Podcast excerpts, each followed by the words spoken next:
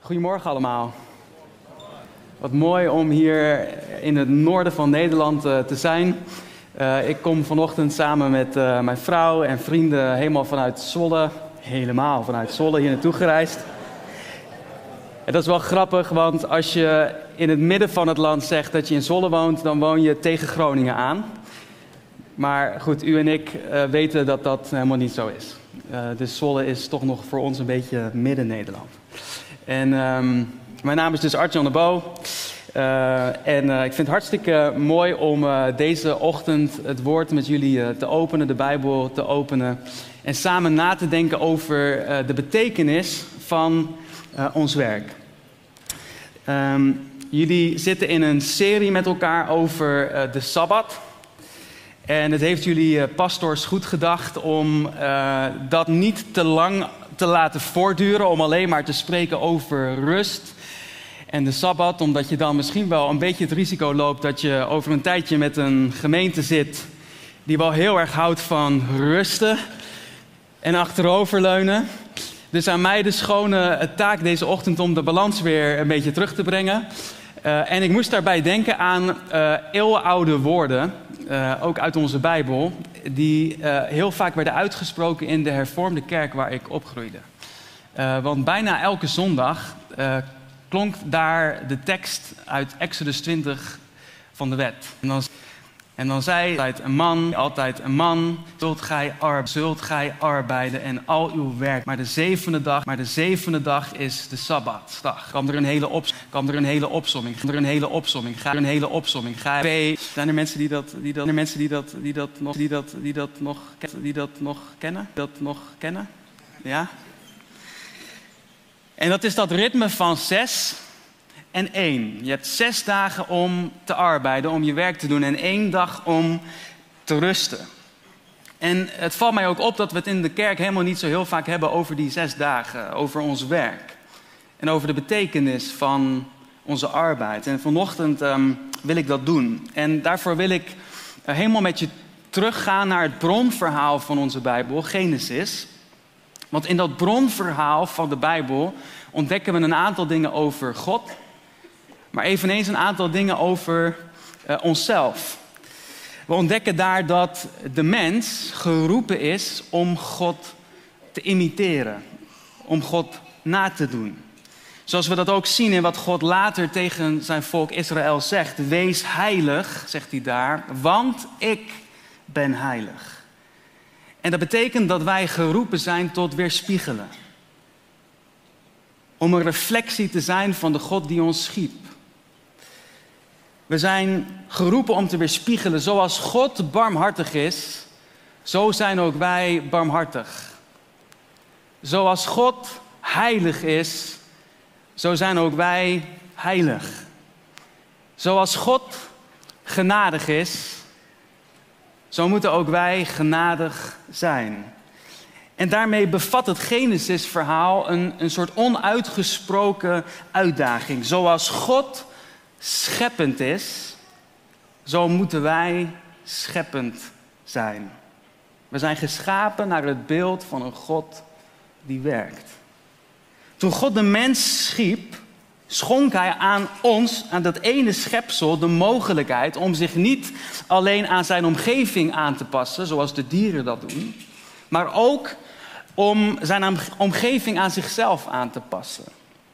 Om actief te zijn, niet slechts passief.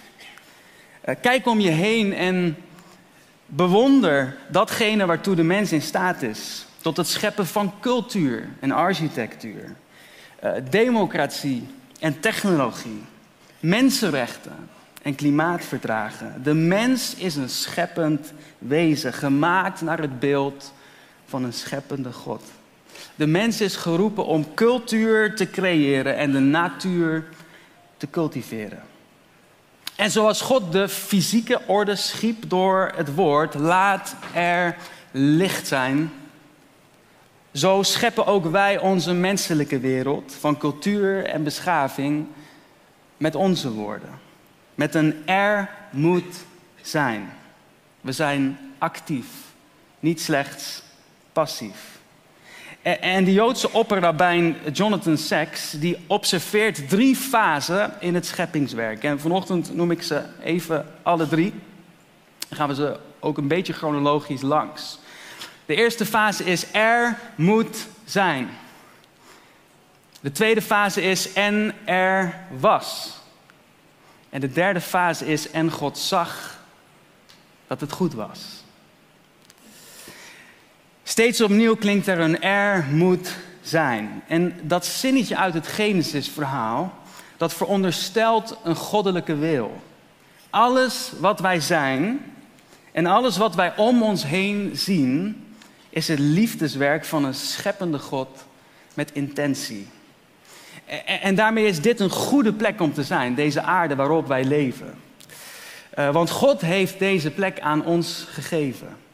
Psalm 115 uh, eh, zegt, uh, en die mag ook op de beamer, de hemel is de hemel van de Heer.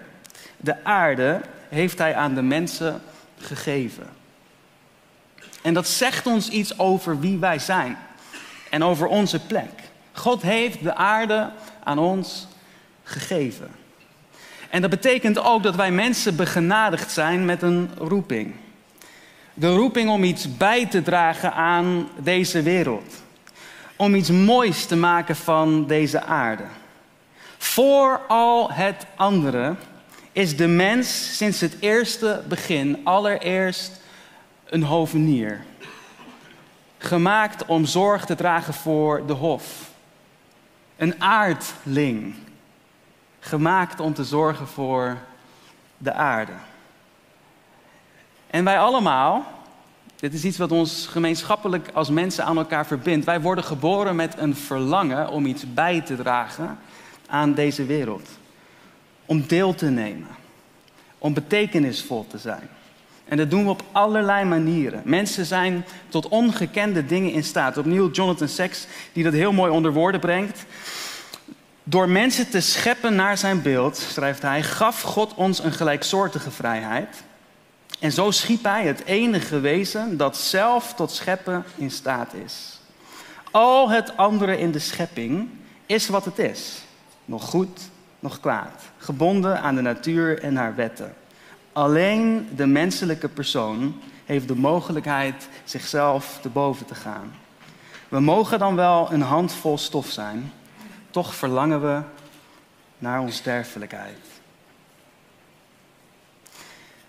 Maar de mens is niet alleen gemaakt met het vermogen tot verbeelding. Met het vermogen om zich een andere wereld voor te stellen dan de wereld die wij op dit moment zien. En verbeelding, zeker in de wereld van vandaag, met de conflicten die we zien, is misschien wel harder nodig dan ooit. Hebben wij mensen nodig die geleid en geïnspireerd door de Heilige Geest komen met die alternatieve visie voor de wereld van vrede, van verzoening, van recht, van het koninkrijk van God in deze wereld. En het mooie is, wij zijn niet alleen gezegend met het vermogen tot uh, verbeelding, maar ook met het vermogen tot verwezenlijking. Want het is één ding om uh, een idee te hebben. Het is een tweede om het uit te voeren. Want tussen het er moet zijn en het daarop volgende en er was, zit ons werk.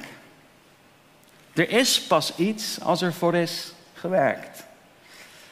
En ons werk is afhankelijk van een wil om iets moois te maken van deze wereld. Telkens opnieuw benadrukt de Bijbel dat werken iets goeds is. In Genesis 1, vers 26, het eerste hoofdstuk van onze Bijbel, geeft God de mens het mandaat om te zorgen voor de wereld. En daar wordt het woordje heersen gebruikt. God, hij maakt man en vrouw om als zijn gouverneurs over de aarde te regeren. En ze krijgen een opdracht mee. En de opdracht is ongeveer als volgt: vul de aarde met leven en goedheid en schoonheid. Laat de aarde bloeien en groeien. Draag zorg voor de natuur en cultiveer cultuur. En dit beeld van de mens zien we door de hele tenag, het Oude Testament heen. Misschien wel het krachtigst in Psalm 8, en dat lezen we ook met elkaar. Daar staat: Zie ik de hemel, het werk van uw vingers, de maan en de sterren door u daar bevestigd. Wat is dan de sterveling? dat u aan hem denkt. Het mensenkind, dat u naar hem omziet. U hebt hem bijna een God gemaakt. Hem gekroond met glans en glorie. Hem toevertrouwd het werk van uw handen en alles aan zijn voeten gelegd. Let op de woorden die gebruikt worden. Bijna een God.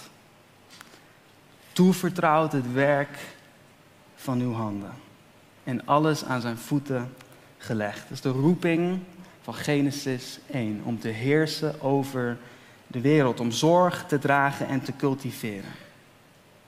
En het Hebreeuwse uh, woord voor werk betekent volgens een Bijbelgeleerde actief met God samenwerken in het verder brengen van de wereld. Actief met God samenwerken in het brengen van het verder brengen van de wereld. En nu, ook in het licht van wat op dit moment in de wereld gebeurt, is zowel Genesis 3 als Genesis 1 actueler dan ooit. Want we kennen het verhaal van hoe de schepper God zijn zorg voor de schepping deelt met de mens. En hoe mensen mogen oefenen in gedelegeerd gezag. Maar we kennen het verhaal van Genesis 3, waar de mens rebelleert tegen God en zijn bedoeling. En waar de mens op de troon van God zelf gaat zitten.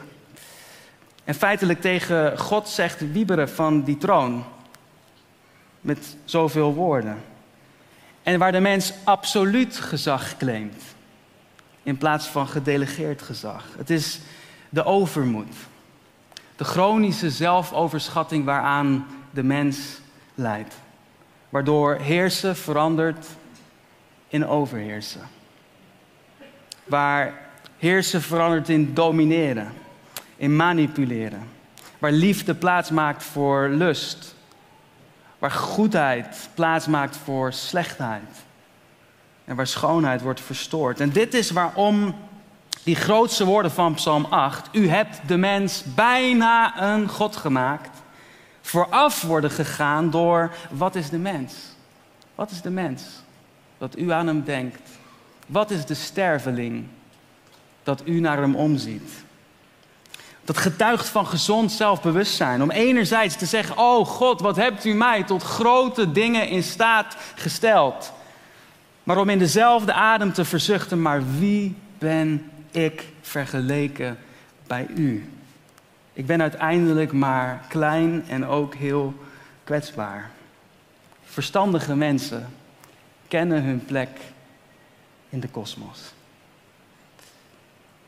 Ik citeer Jonathan Sacks, de laatste keer, ik beloof het je.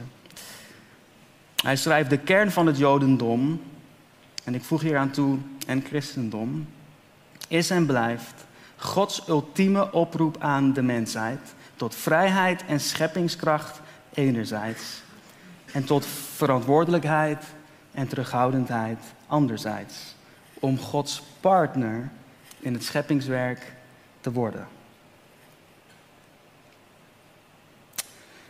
Onze eerste roeping is dus om uh, te heersen. En die, die roeping aan de mens is universeel.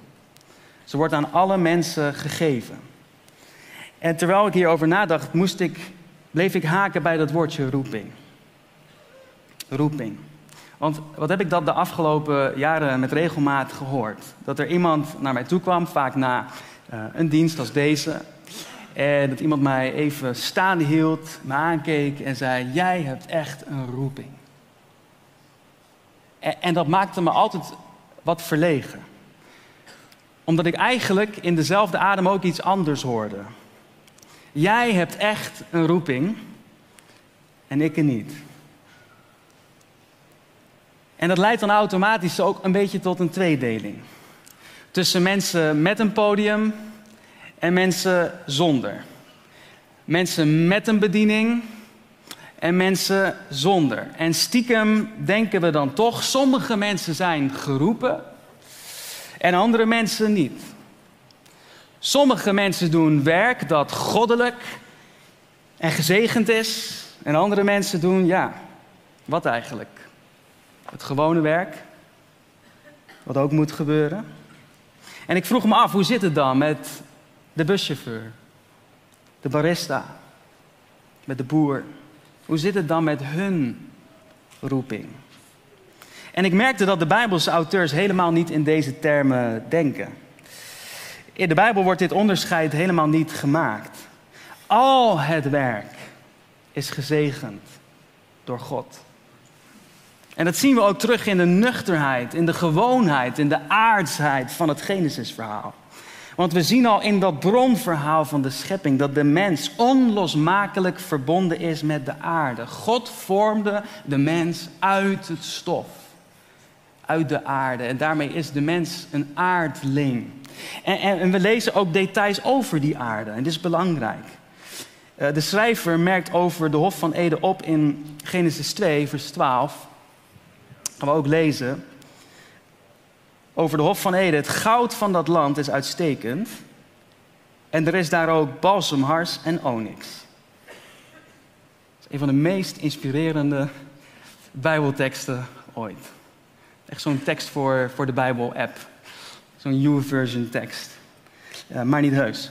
Want als je uh, stilstaat bij, bij deze woorden, dan vraag je je bijna af: wat is het punt hiervan? waarom wordt dit detail zo nadrukkelijk benoemd? Maar het beeld hier is misschien wel dat van een God die geweldige grondstoffen in de schepping heeft gelegd.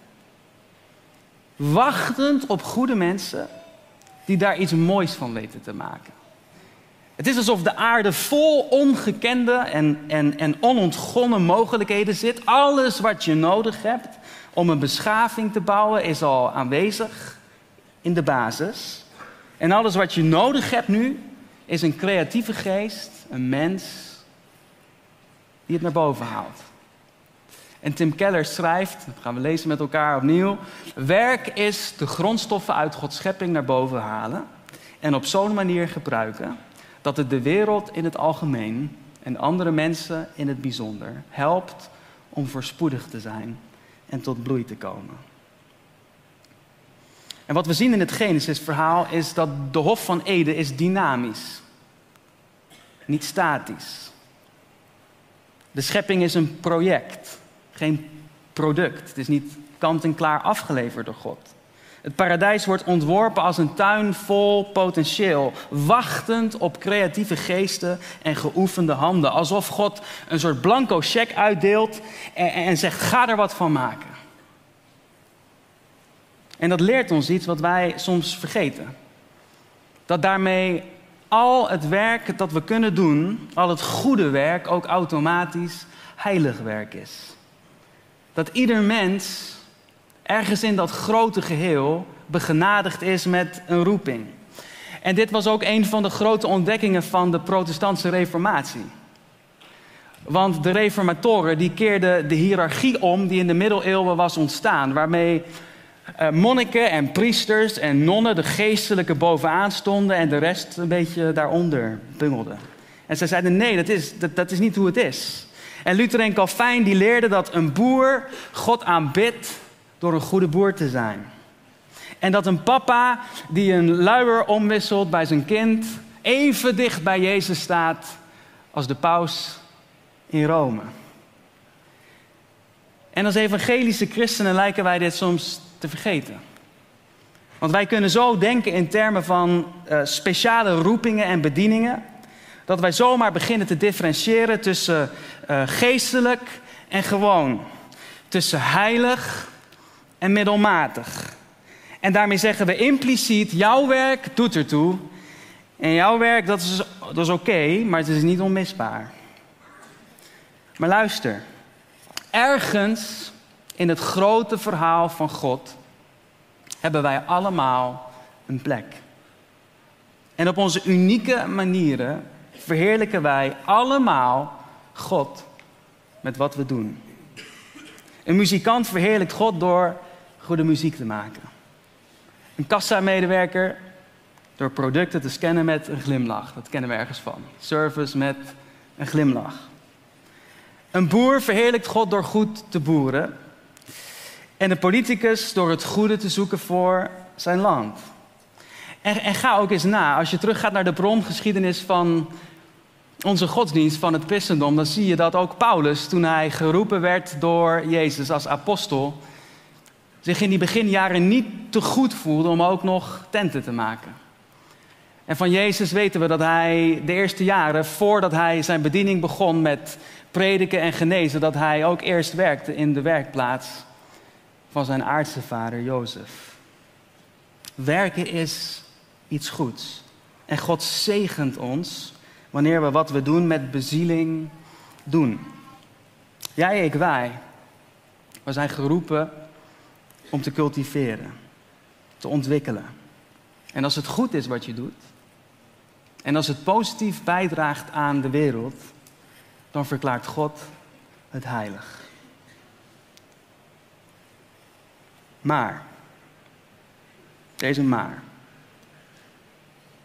Er is ook iets wat we tegelijkertijd niet moeten vergeten als westerse mensen, als westerse christenen. Want tegelijkertijd doen wij er goed aan om ons werk ook wat te relativeren. En hier komt ook de waarschuwing. Want de westerse wereld zegt: Ik ben wat ik doe. Maar de Bijbel zegt dat wat je mag doen in het verlengde ligt van wie je bent. En dat betekent dat iets bijdragen belangrijker is dan iets presteren. Dat een contributie leveren belangrijker is dan carrière maken. Derek Thompson merkt in het Amerikaanse magazine The Atlantic het volgende op. gaan we ook lezen met elkaar. En hij zegt dit, en ik vind het een goede observatie. Misschien, zegt hij, maken werken, lange werkuren deel uit van een wapenwetloop om meer status en inkomen onder de welgestelde elite. Of misschien is de logica wel helemaal niet economisch, maar emotioneel, zelfs spiritueel. De best opgeleide en best verdienende Amerikanen, die kunnen krijgen wat ze willen, hebben het kantoor verkozen om dezelfde reden waarmee vrome christenen op zondag naar de kerk gaan. Daar voelen ze het meest zichzelf. Maar ons bureau was nooit bedoeld als een altaar. Wat Thompson zegt is: maak van je bureau, van je kantoor, van je carrière geen altaar. In onze westerse wereld kan onze carrière zomaar een soort quasi-religie worden, waarin we heel onze identiteit en al onze betekenis zoeken. Voor wij het weten, wordt onze carrière een altaar waarop we al het overige goede, wat het leven de moeite waard maakt, offeren.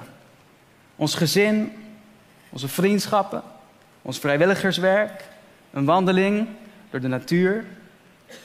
En ook Jezus merkt ergens in zijn bediening heel scherp op in Marcus 8. Daar zegt hij: Wat baat het een mens als hij de hele wereld wint, maar schade leidt aan zijn ziel? En ik vind het opvallend dat Jezus refereert aan de ziel. Want onze ziel is de samenvatting van wie wij zijn. Want ik als mens, ik ben alleen maar wie ik ben in relatie tot de ander.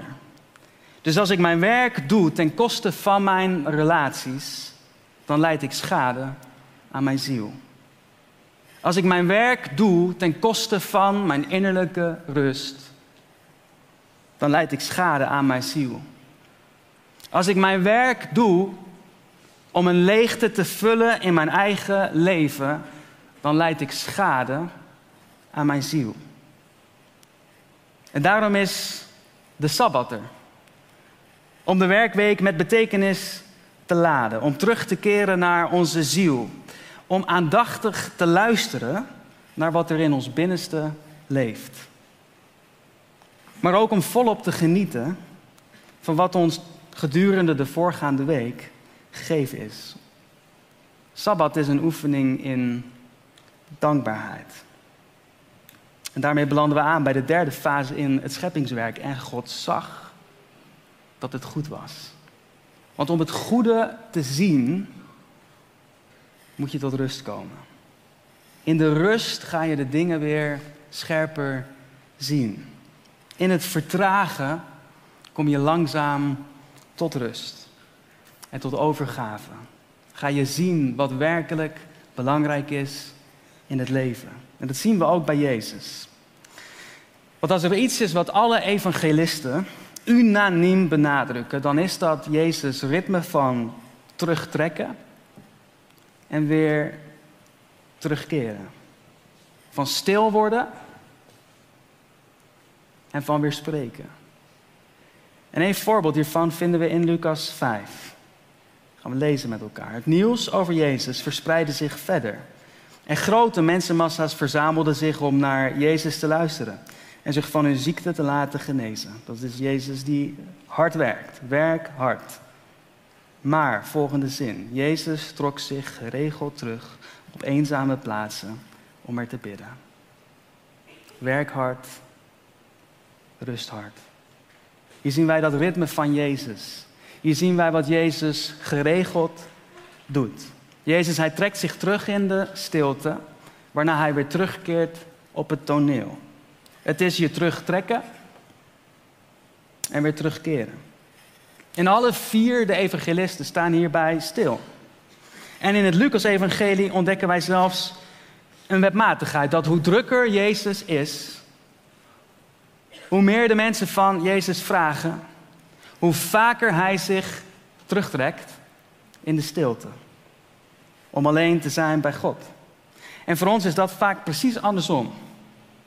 Dat hoe drukker wij zijn, hoe minder tijd wij maken voor een moment in de stilte om alleen te zijn bij God.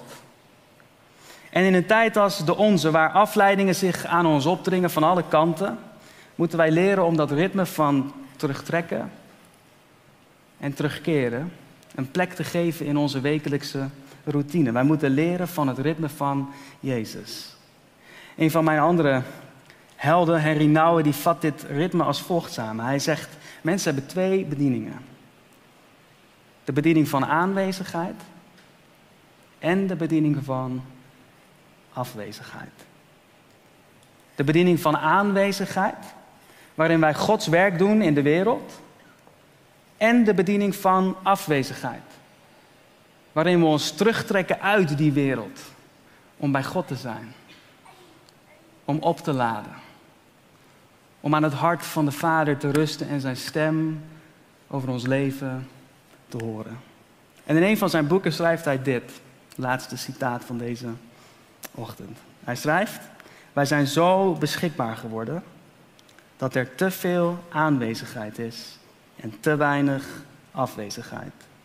Te veel van ons en te weinig van God en zijn geest. En daar schuilt absoluut waarheid in. Wij moeten leren om terug te trekken en weer terug te keren. Want vrijwel al mijn slechtste momenten, als echtgenoot, als vriend, als broer, als mens, vinden plaats op mijn drukste momenten. En van Jezus leren wij dat we niet alleen moeten rekenen met onze mogelijkheden, maar ook met onze grenzen. Er zitten maar zeven dagen in één week en 24 uur in één dag. Ik hoop dat u dat ook wel eens gemerkt hebt. En dat maakt dat wij moeten rusten. Eh, eh, rusten is in zekere zin een daad van aanbidding. Rusten is beleiden. Rusten is zeggen: uh, ik ben menselijk, ik ben sterfelijk. Er is een grens aan wat ik kan doen. En bovendien, deze wereld draait heel fatsoenlijk door. Ook zonder mijn voortdurende inspanning. Rusten is zeggen niet ik, maar God regeert de wereld. Rusten is in het licht van dat Genesis-verhaal misschien wel voorkomen dat je gaat geloven in absoluut gezag. Ik moet het zelf zien te rooien. Rusten is oefenen in gedelegeerd gezag. God regeert de wereld en ik mag mijn bijdrage leveren in een groter geheel. En als jij de neiging hebt om jezelf te verliezen in je werk, als je van je werk een altaar maakt, dan wil ik vanochtend tegen je zeggen: je bent een mens en geen machine. Je hebt een ziel om voor te zorgen. je hebt een hart om naar te luisteren. Je hebt maat nodig.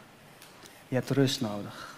En bovendien, Aan het einde van ons leven zal niemand verzuchten, wat heeft hij of zij veel bereikt. Wat primair na blijft bestaan in de gedachte, in de herinnering van onze nabestaanden, is wie wij waren. Het was zo'n goede vent. Ze was zo'n warme vrouw. En daarom doen we er goed aan om te blijven waken over wie wij aan het worden zijn. Doen we er goed aan om onze ziel niet te verliezen. Om steeds weer te herijken. En terug te keren naar de motivatie achter dat wat wij doen. Om God lief te hebben en onze naaste te dienen. Op welke manier dan ook. De band mag naar voren komen. Uh, als je zo leeft, op deze manier, dan geeft het ontspanning. Werk hard, ik doe wat ik kan, rust hard. God zorgt voor de wereld. Zo hou je de taakverdeling helder. God heeft de dingen in zijn hand en ik, ik mag een beetje meewerken. God, hij redt de wereld. Het is niet aan mij om de wereld te redden, maar ik mag wel met hem meewerken. Ik mag mijn bijdrage leveren in een groter geheel. Soms zijn we in de wereld, geven we het beste van onszelf. Soms trekken we ons terug uit de wereld. Geven we het beste van onszelf aan God. Werk hard, rust hard.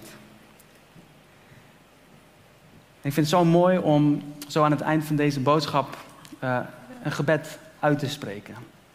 Over u, over jou, als je hier zit. En misschien zit je hier wel deze ochtend en je zit op dit moment op een moeilijk punt met betrekking tot je werk. Met betrekking tot je carrière. Je maakt je zorgen. Um, ik ken dit ook. Zelfs van heel dichtbij, van het afgelopen jaar. De onzekerheid die kan toeslaan over wat is mijn plek, wat is mijn taak. Maar ik wil dit tegen je zeggen. De God die jou geschapen heeft, zal erop toezien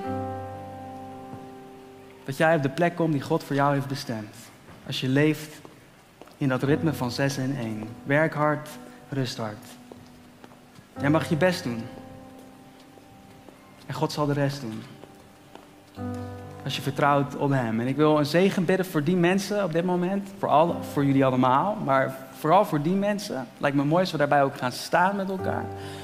Als je zegt, ja, ik heb op dit moment moeite. Ik maak me zorgen over mijn plek. Zit ik wel op mijn plek? Wil ik bidden voor ontspanning en rust en vrede. Dat de vrede van God je gedachten mag vullen. Als je zegt, eh, ik sta op een keerpunt en ik voel ik moet gaan bewegen, dan wil ik ook zegenen met de geest van God, dat hij je mag leiden in dit seizoen. Maar ik wil ook zeggen, kijk eens om je heen en zie hoe God mensen veelkleurig heeft gemaakt. Hoe God ieder van ons een plek geeft in dat grote geheel van deze wereld.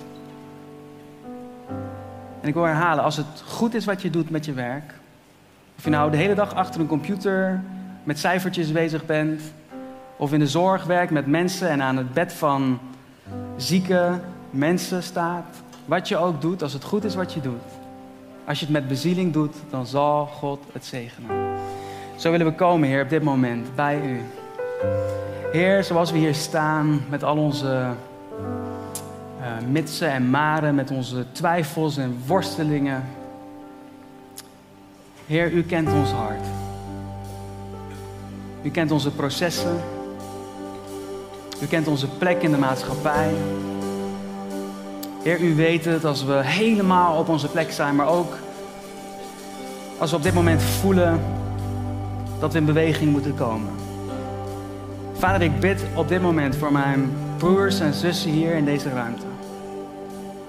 Dat u onze gedachten vult met woorden van waarheid over wie wij zijn in uw plan. En ik wil je zegenen ook met de woorden dat als het goed is wat jij doet, en als het positief bijdraagt aan de wereld, waar dan ook, op welke plek dan ook, dan is het heilig voor God. En dan zegen ik je op dit moment op de plek waar je zit, de plek van jouw bestemming. Maar ik wil je ook zegenen als je in beweging moet komen en je voelt, ik moet gaan bewegen, op wat voor manier dan ook. Dan wil ik je ook uit nodigen en uitdagen om naar de ministry te gaan, om deze ochtend voor je te laten bidden. Om misschien wel samen met iemand anders eens te overwegen, samen te bidden, te overpeinzen. Heer, wat is uw weg, wat is uw wil? En zo zegen ik jou op dit moment in het proces waarin jij zit, in het proces waarin u zit. In de naam van Jezus. Amen.